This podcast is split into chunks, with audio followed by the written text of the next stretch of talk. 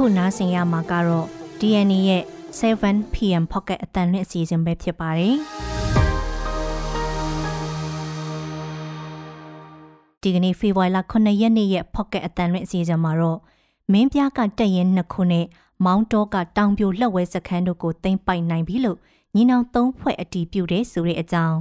ထန်းတပင်မြို့နယ်ဇရက်ကြီးမှာတိုက်ပွဲပြင်းထန်နေပြီးအယက်သားတွေပိတ်မိနေတယ်ဆိုတဲ့အကြောင်း မန္တလေးအိုးပိုအကျဉ်းထောင်မှာနိုင်ငံရေးအကျဉ်းသူတဦးတေဆုံးပြန်နေဆိုတဲ့အကြောင်းရေဦးနယ်မှာစစ်ကြောင်းထိုးတဲ့စစ်တပ်ကတိတခန့်အမျိုးသား2ဦးကိုတပ်ဖြတ်တယ်ဆိုတဲ့အကြောင်းနေဇက်ကတိုက်ပွဲတွေကြောင့်အယက်သားတွေတေဆုံးထိခိုက်မှုဘင်္ဂလားဒေ့ရှ်ကဝေဖန်ကန့်ကွက်တယ်ဆိုတဲ့အကြောင်းစားတဲ့ပြည်တွင်းသတင်းတွေနဲ့အတူတူရကီငလင်ကြီးတနစ်ပြည့်စုတောင်ပွဲမှာကြံရစ်သူမိသားစုတွေကအစိုးရညံ့ဖျင်းမှုတွေကိုဆန္ဒပြတယ်ဆိုတဲ့အကြောင်းဆိုမာလီယာရဲ့မြို့တော်မှာ အကြီးဆုံးလဟာပြင်စည်းတဲ့ပုံကွဲမှုတွေကြောင့်လူဆယ်ကနန်းတည်ဆုံနေဆိုတဲ့အကြောင်းစားတဲ့နိုင်ငံတကာသတင်းတွေကိုလည်းနားဆင်ရမှာပါရှင်ဒီစီစဉ်ကိုတော့ကျမနန်းခမ်းနဲ့စိမ့်ကတင်ဆက်ပေးတော့ပါမယ်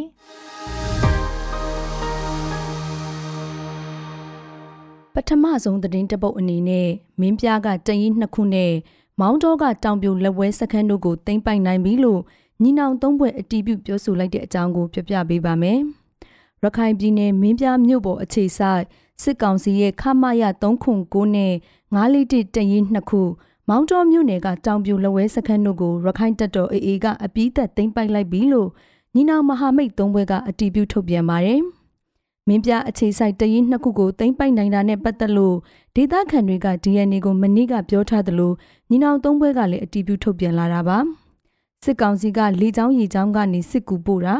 ပြစ်ကူပေးတာတွေလုပ်ပြီးခုခံခဲ့ပေမဲ့စစ်ကူလာတဲ့ရေရင်တွေဖျက်တိုက်ခံခဲ့ရတာကြောင့်စစ်ကူတပ်တွေပါအထိနာခဲ့တဲ့နောက်မြို့ခံတရင်ကကြက်နေသူတွေလက်နက်ချခဲ့ကြတာလို့စီရင်နဲ့နီးစပ်တဲ့ဒေသခံတအူးကပြောထားပါတယ်။အဲ့ဒီလက်နက်ချခဲ့သူတွေကိုအေအေကကားတွေနဲ့နေရာရွှေ့ပြောင်းပေးခဲ့တယ်လို့လည်းသိရပါတယ်။ လက်နက်ချအညံ့ခံခဲ့တဲ့အထက်စစ်ကောင်စီတရင်မှုလဲပါဝင်တယ်လို့ဒေသခံသတင်းရင်းမြစ်ကပြောထားပေမဲ့ညီနောင်သုံးဘွဲ့ရဲ့ထုတ်ပြန်ချက်မှာတော့အဲ့ဒီအခြေအနေတွေကိုဖော်ပြမထားသေးပါဘူး။မင်းပြမြို့ပေါ်တရင်တက်စခန်းအားလုံးကိုအေအေကသိမ်းပိုက်နိုင်ခဲ့တာကြောင့်မင်းပြမြို့နယ်အတွင်းအမှတ်6တက်မတော်တမ်းမြင့်လေးကျင်ရင်တင်နန်းကျောင်းကလွှင်းရင်စစ်ကောင်စီတက်စခန်းတွေမရှိတော့ဘူးလို့စစ်ရေးနဲ့နှီးစက်တဲ့ဒေသခံတွေကပြောကြပါတယ်။ဒါအပြင်ရခိုင်တပ်တော် AA ဟာ ဘင်္ဂလားဒေ့ရှ်မြန်မာနယ်စပ်မောင်းတော်မြို့နယ်တဲကတောင်ပြိုလက်ဝဲစခန်းကိုလည်းမနေ့ကသိမ်းပိုက်နိုင်ခဲ့တယ်လို့ထုတ်ပြန်ချက်မှာဖော်ပြထားပါတယ်။မောင်းတော်မြို့နယ်ကတောင်ပြိုလက်ဝဲစခန်းနဲ့တောင်ပြိုလက်ရစခန်းတွေကို AA ကဖေဖော်ဝါရီ၄ရက်မှာစတင်ထိုးစစ်ဆင်ခဲ့တာဖြစ်ပြီးအဲ့ဒီနေ့မှာပဲတောင်ပြိုလက်ရစခန်းကိုသိမ်းပိုက်နိုင်ခဲ့တယ်လို့တောင်ပြိုလက်ဝဲစခန်းကိုတော့မနေ့ကထပ်ပြီးသိမ်းပိုက်နိုင်ခဲ့တာပါ။အဲ့ဒီတိုက်ပွဲတွေအတွင်းစစ်ကောင်စီတပ်ဖွဲ့ဝင်နဲ့ နေကြားဆောက်တပ်ဖွဲ့ဝင်200ကျော်နေဆက်ဖြတ်ကျော်ထွက်ပြေးခဲ့ကြပါတယ်။ချမ်းတပင်မြို့နယ်ဇရက်ကြီးမှာတိုက်ပွဲပြင်းထန်နေပြီးအရက်သားတွေပိတ်မိနေတယ်ဆိုတဲ့အကြောင်းကိုဆက်လက်ပြောပြပေးပါမယ်။ပဲခူးတိုင်းနဲ့ကရင်ပြည်နယ်အစက်ထန်းတပင်မြို့နယ်တောင်ချမ်းကဇရက်ကြီးမြို့မှာစကောင်စီနဲ့ KNL ပူပေါင်းတပ်တွေဒီကနေ့မနက်ပိုင်းကစလို့တိုက်ပွဲတွေဖြစ်နေပြီးအရက်သားတွေထိခိုက်ဒဏ်ရာရတာပိတ်မိနေတာတွေရှိနေတယ်လို့သိရပါတယ်။ဒေါ်လာရေးပူပေါင်းတပ်တွေက ဇရက်ကြီးမြို့အခြေဆိုင်စစ်ကောင်စီခလာရ83တပ်ရင်းနဲ့ရဲစခန်းတပ်စခန်းတွေကိုထိုးစစ်ဆင်သိမ်းပိုက်ဖို့ကြိုးစားတာကြောင့်တိုက်ပွဲပြင်းထန်နေတာလို့ကနဦးသတင်းတွေအရသိရပါတယ်။ဒီကနေ့နေ့လယ်ပိုင်းအထိသတင်းတွေအရဒေါ်လာရစ်တပ်တွေကခလာရ83ကိုသိမ်းပိုက်ထားနိုင်တယ်လို့ဆိုပါတယ်။စကောင်ကြီးကတော့လက်နက်ကြီးလေးချောင်းပစ်ခတ်မှုတွေဆက်တိုက်လုပ်နေပြီးလေးချောင်းတိုက်ခိုက်မှုအကြိမ်20ကျော်အထိပြုလုပ်ထားတယ်လို့ကရင်သတင်းဌာန KIC က ဒီကနေ့နေ့လယ်နှစ်နာရီဝန်းကျင်မှာဖော်ပြထားပါတယ်။အဲ့ဒီတိုက်ပွဲနဲ့ဆက်ဆက်ပြီးချမ်းတပင်မြို့နဲ့အနီးတစ်ဝိုက်နေရာတချို့မှာလည်းတိုက်ပွဲတွေဖြစ်နေတာရှိသလိုစကောင်စီဖက်ကစစ်ကူလာနိုင်တဲ့လမ်းကြောင်းပေါ်ကစစ်တောင်းမြစ်ကူတရားလည်းဖျက်တောက်ခံထားရတယ်လို့သိရပါတယ်။ဒီကနေ့တိုက်ပွဲတွေကြောင့်စရက်ကြီးကျေးရွာဒေသခံတွေထွက်ပြေးတိမ်းရှောင်ရတာပိတ်မိနေကြတာတွေရှိသလိုအနီးဝန်းကျင်ကျေးရွာတွေကဒေသခံတွေလည်းထွက်ပြေးတိမ်းရှောင်နေကြရပါတယ်။ပြီးခဲ့တဲ့2023ခုနှစ်နှစ်ကုန်ပိုင်းကစလို့ ပဲခူးတိုင်းအတွင်းမှာရှိတဲ့ KNL တပ်တွေကထိုးစစ်ဆင်တိုက်ခိုက်မှုတွေမကြာခဏလုပ်နေပြီးစစ်တောင်းမြဝန်းဒေသကိုစိုးမိုးနိုင်ရေးကြိုးပမ်းနေတယ်လို့ NUG ကာကွယ်ရေးဝန်ကြီးဌာနနဲ့ KNU တာဝန်ရှိသူတွေကထုတ်ပြောထားပါတယ်။နောက်ထပ်သတင်းတပုတ်အနေနဲ့မန္တလေးဥပုအကျဉ်းထောင်မှာနိုင်ငံရေးအကျဉ်းသူတအုပ်ထပ်မံတည်ဆုံသွားတဲ့အကြောင်းကိုပြောပြပေးပါမယ်။မန္တလေးတိုင်းအောင်မြေတာဆန်မြို့နယ်အိုးဘိုအကျဉ်းထောင်မှာဖေဖော်ဝါရီ၄ရက်ကနိုင်ငံရေးအကျဉ်းသူအမျိုးသမီးတဦး ကြောက်ကက်ယောဂနဲ့တည်ဆုံသွားတယ်လို့မြန်မာနိုင်ငံလုံးဆိုင်ရာနိုင်ငံရေးအကျဉ်းသားများကွန်ရက် PPNM ရဲ့ထုတ်ပြန်ချက်အရသိရပါဗျ။ထောင်တွင်းမှာစေကူတာခွင့်အပြည့်အဝမရဘဲတည်ဆုံသွားတဲ့နိုင်ငံရေးအကျဉ်းသူမရင်မိုးဟာ2021ခုနှစ်မတ်လအတွင်းမှာစစ်ကောင်စီတပ်ဖွဲ့ဝင်တွေရဲ့မတရားဖမ်းဆီးခြင်းခံခဲ့ရတာဖြစ်ပါတယ်။အဲ့ဒီနောက်အောင်မြေသားဆန်မြို့နယ်အမှတ်6နယ်မြေရဲစခန်းနဲ့အမှတ်၈နယ်မြေရဲစခန်းကပုံမှန်905ကကြီးနဲ့တရလိုပြုတ်လောက်က အိုးဘူထောင်တွင်းတရားရုံးကမရီမိုးကိုထောင်ဒဏ်6နှစ်အမိန့်ချမှတ်ခဲ့ပါတယ်။ထောင်ဒဏ်ချမှတ်ခံခဲ့ရတဲ့မရီမိုးဟာအိုးဘူအကျဉ်းထောင်ကနေတဆင့်မြင်းကြံအကျဉ်းထောင်ကို2022ခုနှစ်ဇူလိုင်လမှာထောင်ပြောင်းရွှေ့ခံခဲ့ရပြီးမြင်းကြံထောင်တွင်းမှာကျမ်းမာရေးမကောင်းတဲ့အတွက်မန္တလေးအိုးဘူအကျဉ်းထောင်ကိုထပ်မံပြောင်းရွှေ့ခံခဲ့ရတယ်လို့ဆိုပါတယ်။မရီမိုးဟာသူ့ရဲ့ယောဂါကိုပြင်ပဆေးရုံမှာစေကူတာခွင့်ရယူလိုကြောင်း ထောင်အာဏာပိုင်တွေကိုတောင်းဆိုခဲ့ပြီးတဲ့နောက်ယောဂတက်တာပျောက်ကင်းတဲ့အထီကူတာခွင့်မပေးခဲ့ပဲလုံခြုံရေးမပေးနိုင်တဲ့အကြောင်းပြချက်နဲ့ထောင်ထဲကိုပြန်ပို့ခဲ့တယ်လို့ဆိုပါတယ်။အတီးပြုတ်နိုင်တဲ့အချက်အလက်တွေရမရီမိုးဟာအခုနှစ်တလကျော်အတွင်းစစ်ကောင်စီရဲ့အကျဉ်းထောင်တွေထဲမှာကျမ်းမာရေးဆောက်ရှောက်မှုအလုံအလောက်မရလို့တည်ဆုံးခဲ့ရတဲ့၅ဦးမြောက်နိုင်ငံရေးအကျဉ်းသားဖြစ်ပါတယ်။အခုနှစ်ဇန်နဝါရီလအတွင်းမှာပဲအကျဉ်းထောင်တွေမှာစေကူတာခွင့်မရလို့နိုင်ငံရေးအကျဉ်းသား၄ဦးတည်ဆုံးခဲ့ပါသေးတယ်။ဒါအပြင်2023ခုနှစ်မှာနိုင်ငံတော်ဝန်ကအကျဉ်းထောင်တွေမှာအကျဉ်းချခံနေရတဲ့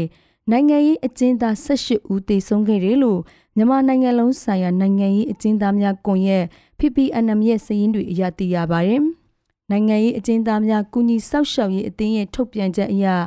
စစ်တပ်အာဏာသိမ်းချိန်ကနေအခုနှစ်ဖေဖော်ဝါရီ6ရက်နေ့အထိ နိုင်ငံတော်ဝန်မှဖမ်းဆီးခံထားရသူ25,989ဦးရှိပြီးအဲ့ဒီတဲက2048ဦးကထိမ့်သိမ်းခံရစေဖြစ်က6952ဦးက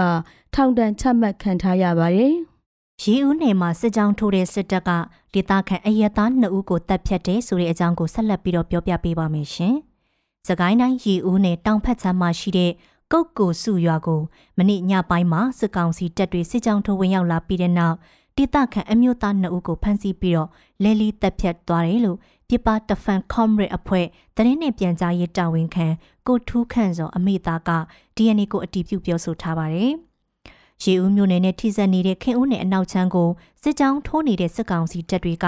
မနေ့ညပိုင်းမှာမူးတာရွာကတဆင့်မူးမြစ်ကိုဖျက်ကူးပြီးကုတ်ကိုစုရွာကိုအလဲအငိုင်ဝင်ရောက်ခဲ့တာလို့သူကဆိုပါတယ်။စစ်ကောင်စီတပ်က ကုတ်ကိုစုရွာသားတွေဖြစ်တဲ့အသက်32နှစ်အရွယ်ကိုသိန်းတန်းကျွေနဲ့အသက်28နှစ်အရွယ်ကိုစောတန်းထိုက်ဆိုသူနှစ်ဦးကိုဖမ်းဆီးပြီးလဲလီတပ်ဖြတ်သွားခဲ့တာပါ။အဲ့ဒီစစ်ကြောင်းကြောင့်ရေဦးနယ်တောင်ချမ်းမှာရှိတဲ့ရွာသားလေးကုတ်ကိုစုညောင်လှနဲ့လိတ်စွန်စတဲ့ကြီးရွာ9ရွာလောက်ကဒေသခံ9000နီးပါးလောက်ဘေးလွရာကိုထွက်ပြေးတင်းရှောင်နေကြရတယ်လို့လုံခြုံရေးအရာအမည်မဖော်လို့တဲ့ဒေသခံတဦးကပြောပါတယ်။ ဒီကနေ့မနက်6နာရီလောက်ကစတင်ပြီးရီဦးနယ်အနောက်ချမ်းကိုစစ်ကောင်စီတပ်ကမြို့ပေါ်ကတဆင်အင်အား80လောက်နဲ့စစ်ကြောင်းဆက်လက်ထိုးဝင်ရောက်လာပြီးဝရုံသုံးရွာမှာတက်ဆွဲထားတဲ့အတွက်တိတခန့်တွေထွက်ပြေးတင်းရှောင်နေရတာလို့ကိုထုခန့်စောအမိသားကပြောပါရယ် အဲ့ဒီစစ်ကောင်စီစစ်ကြောင်းဟာနေမြေရှင်းလင်းရေးကောင်းစဉ်နဲ့ပြီးခဲ့တဲ့ဇန်နဝါရီလအစောပိုင်းကစတင်ပြီးတော့တပရင်ရေဦးနဲ့ခင်ဦးနယ်တွေကိုတောက်လျှောက်ဆိုသလိုစစ်ကြောင်းထိုးနေပြီးဒေသခံတွေရဲ့နေအိမ်တွေကိုမိရှို့ဖျက်ဆီးတာတွေအပြင်ရွာသားတွေကိုလည်းဖမ်းဆီးတပ်ဖြတ်တာတွေလှုပ်ဆောင်နေတယ်လို့သူကဆိုပါတယ်။အဲ့ဒီစစ်ကြောင်းဟာပြီးခဲ့တဲ့ဇန်နဝါရီလကလည်းခင်ဦးအနောက်ချမ်းမှာရှိတဲ့ကျွန်းတော်ရွာကိုဝင်ရောက်ပြီးကိုဝန်ဆောင်အမျိုးသမီးတဦးအပါအဝင်၄ဦးကိုတပ်ဖြတ်ခဲ့ပါသေးတယ်။ ဒါအပြင်ဒီလအစောပိုင်းမှာခင်ဦးအနောက်ချမ်းမှာရှိတဲ့တာဝတိရွာကိုစစ်ကြောင်းထိုးဝင်ရောက်ပြီးနေအိမ်148လုံးကိုမိရှို့ဖျက်ဆီးခဲ့ပါသေးတယ်။နောက်ဆုံးသတင်းတပုတ်အနေနဲ့နေဇက်ကတိုက်ပွဲတွေကြောင့်အရက်သားတွေထိခိုက်သေးဆုံးမှုဘင်္ဂလားဒေ့ရှ်ကဝေဖန်ကန့်ကွက်လိုက်တဲ့အကြောင်းကိုပြောပြပါမယ်။နှစ်နိုင်ငံနေဆက်ဒေသမြန်မာဘက်ကပြိပခတွေကနေလမ်းကြောင်းချော်လာတဲ့စစ်လက်နက်တွေကြောင့်ဘင်္ဂလားဒေ့ရှ်မှာထိခိုက်သေးချေမှုတွေဖြစ်ပေါ်ခဲ့တာနဲ့ပတ်သက်လို့ ဘင်္ဂလားဒေ့ရှ်အစိုးရကစစ်ကောင်စီတပ်အမတ်ကိုဆင့်ခေါ်ပြီးဝေဖန်ကန့်ကွက်လိုက်ပါတယ်။အခုသတင်းပတ်အစောပိုင်းတုန်းကမြန်မာဘတ်ချမ်းတိုက်ပွဲတွေကနေနေဆက်ကိုဖျက်ကျော်ကြားရောက်လာတဲ့မော်တာကြီးရီထိမှန်လို့ဘင်္ဂလားဒေ့ရှ်မှာလူနှစ်ဦးသေဆုံးခဲ့ပါတယ်။ဒါအပြင်နောက်ထပ်ဒါဇင်နဲ့ချီပြီးကြီးစံထိမှန်ဒဏ်ရာတွေရခဲ့ပါတယ်။နှစ်နိုင်ငံနေဆက်မြန်မာဘက်ချမ်းမှာတော့ဖေဖော်ဝါရီ၄ရက်ကစလို့အာဏာသိမ်းစစ်တပ်နဲ့ရခိုင်တပ်တော် AA တို့ကြားတိုက်ပွဲတွေပြင်းထန်နေခဲ့တာပါ တိုက်ပွဲတွေရဲ့ကြရက်ကြောင့်ဘင်္ဂလားဒေ့ရှ်ဘက်ကိုမြန်မာစစ်ရှောင်းတွေဝင်ရောက်ခုံလုံလာသလိုစစ်သားရာကနန်းလောက်ထိလည်းထွက်ပြေးလာကြတယ်လို့ဘင်္ဂလားဒေ့ရှ်နေကြားဆောက်အာဏာပိုင်တွေကပြောပါတယ်။အဲဒီနောက်ဘင်္ဂလားဒေ့ရှ်နိုင်ငံသားရေးဝန်ကြီးဌာနကစစ်ကောင်စီခန့်အပ်ထားတဲ့မြန်မာတန်အမတ်ဦးအောင်ကျော်မိုးကိုဆင့်ခေါ်ပြီးနေဆက်ကကိစ္စတွေနဲ့ပတ်သက်လို့ပြင်းပြင်းထန်ထန်ကန့်ကွက်ခဲ့တာပါ။နေဆက်မှာလက်ခိုင်နိုင်စရာမရှိတဲ့အခြေအနေတွေကိုရပ်တန့်ပြီးပြီး ဘင်္ဂလားဒေ့ရှ်ပြည်သူတွေထိခိုက်ဒေကျေမှုဆက်မဖြစ်အောင်တားဆီးပေးဖို့မြန်မာတန်အမတ်ကိုတောင်းဆိုခဲ့ကြောင်းဝန်ကြီးဌာနကထုတ်ပြန်ပါတယ်။ဒါအပြင်နေဆက်မှာဖြစ်ပွားတဲ့ပြည်ပခါတွေကြောင့်စစ်ဆောင်တွေအလုံးအရင်ဝင်ရောက်လာတဲ့အခြေအနေမျိုးကိုဘင်္ဂလားဒေ့ရှ်ဘက်ကခွင့်မပြုနိုင်တော့ဘူးဆိုတာကိုလည်းရှင်းရှင်းလင်းလင်းအသိပေးခဲ့တယ်လို့ဝန်ကြီးဌာနကကြေညာချက်မှာဖော်ပြထားပါတယ်။ဘင်္ဂလားဒေ့ရှ်နယ်ခြားစောက်တပ် BGB ရဲ့ထုတ်ပြန်ချက်အရစစ်သားတွေရဲတွေ အကောက်ခွန်ဝန်ထမ်းတွေနဲ့ဌာနဆိုင်ရာဝန်ထမ်းတွေအပါအဝင် လူပေါင်း260ကျော်လောက်ဟာနေဆက်ဖြတ်ကျော်ပြီးဘင်္ဂလားဒေ့ရှ်ပိုင်နက်ထဲထိထွက်ပြေးခဲ့ကြတယ်လို့ဆိုပါတယ်။ဆက်လက်ပြီးတော့နိုင်ငံတကာသတင်းတွေကိုတင်ဆက်ပေးပါမယ်။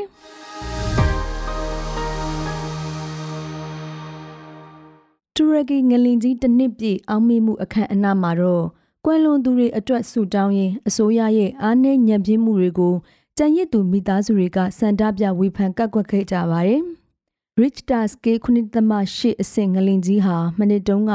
ဖေဖော်ဝါရီ6ရက်နေ့မှာလှုပ်ခတ်ခဲ့ပြီးတူရကီအရှေ့တောင်ပိုင်းဒေသနဲ့အိမ်နီးချင်းဆီးရီးယားနိုင်ငံမြောက်ပိုင်းမှာ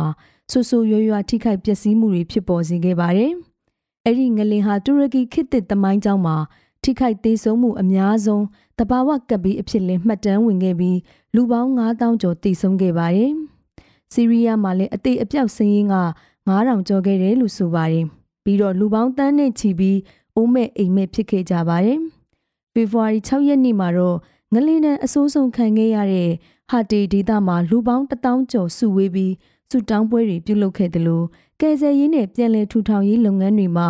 အားနဲ့ညံပြင်းခဲ့တဲ့အစိုးရဌာနဆိုင်ရာအရာရှိတွေနှုတ်ထွက်ပေးဖို့တောင်းဆိုခဲ့ကြပါတယ်။ဒါအပြင်ဆူတောင်းပွဲကိုတက်ရောက်ခဲ့တဲ့ကျမ်းမာရေးဝန်ကြီးအပါအဝင်အရာရှိတချို့ကိုလည်းမျက်နာလာမပြဖို့ခါခါတီတီညင်းဆိုတာတွေရှိခဲ့တယ်လို့မိတ်ခွန်းပြောချိန်မှာလည်းအော်ဟစ်လှောင်ပြောင်နေခဲ့ကြပါတယ်။ဟာတီဒေသခံအများအပြားကငလင်ကြောင့်တေဆုံးမှုတွေအရန်များပြခဲ့တာမဟုတ်ပဲအစိုးရရဲ့ကယ်ဆယ်ရေးအစီအမံတွေညံ့ဖျင်းလို့သာ အပြက်စီးပုံတွေအောက်မှာကုရကေရမဲ့စောက်စားရင်တေဆုံးသူတွေကပုံများသွားတာလို့ဆွဆွဲနေကြပါတယ်။စူတောင်းပွဲတက်ရောက်လာသူတွေဟာဟာတေမြို့ကိုဖျက်ပြီးစီးဆင်းတဲ့အာစီမြစ်တဲကိုလည်းပန်းတွေကျဲချခဲ့ပါသေးတယ်။တမရရာဂျစ်တာရီအာတိုဝန်ကတော့ငလင်ကြောင့်ပြည်သူတွေတေဆုံးခဲ့တဲ့ဖြစ်စဉ်ကြောင့်အခုထိလက်လက်ဆက်ဆက်နာကျင်နေစေဖြစ်တယ်လို့တွင်တာမှာရေးသားထားခဲ့ပါတယ်။ဒါပေမဲ့သူ့ရဲ့အစိုးရဟာရာစုနှစ်ရဲ့အကြီးဆုံးကပ်ဘေးကြီးအပြီးမှာ လုတ်တင်တာမှန်သမျှကိုမဆိုင်မတွတုံ့ပြန်ဆောင်ရွက်ခဲ့တယ်လို့အာဒိုဝမ်ကကာကွယ်ဖြေရှင်းထားပါတယ်။ဒါပေမဲ့လည်းဆန္ဒပြသူတွေကတော့လူတွေထောင်တောင်းချီကူယာကေယာမဲ့တေဆုံးကုန်တဲ့အချိန်အာနာပိုင်တွေဘယ်ရောက်နေတယ်လဲဆိုတာကိုဆူတောင်းပွဲမှာအပြင်းအထန်မေးခွန်းထုတ်နေကြဆဲဖြစ်ပါတယ်။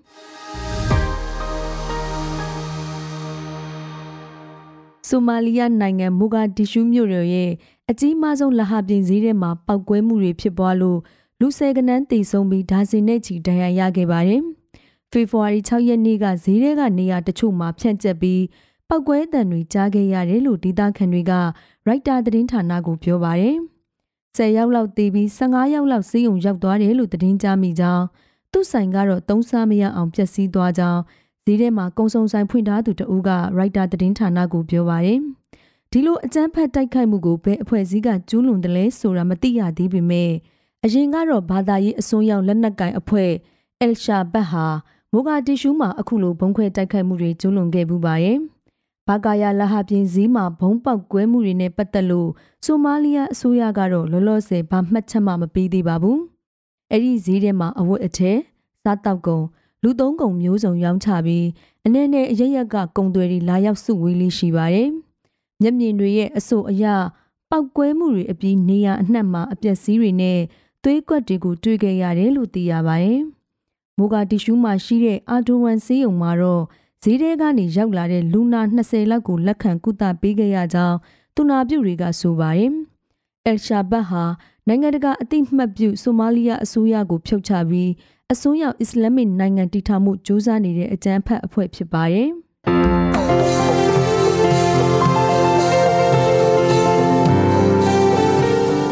DNA ရဲ့ 7pm pocket အတန်လွင့်အစီအစဉ်ကိုအပတ်စဉ်တနင်္လာနေ့ကနေတောက်ကြနေ့အထိည9:00နာရီတိုင်းမှာတင်ဆက်ပေးသွားပါမယ်။ဒီစီစဉ်ကို Anchor, Spotify တို့မှာနားဆင်နိုင်သလို DNA ရဲ့ YouTube Channel မှာလည်းဝင်ရောက်နားဆင်နိုင်ပါတယ်ရှင်။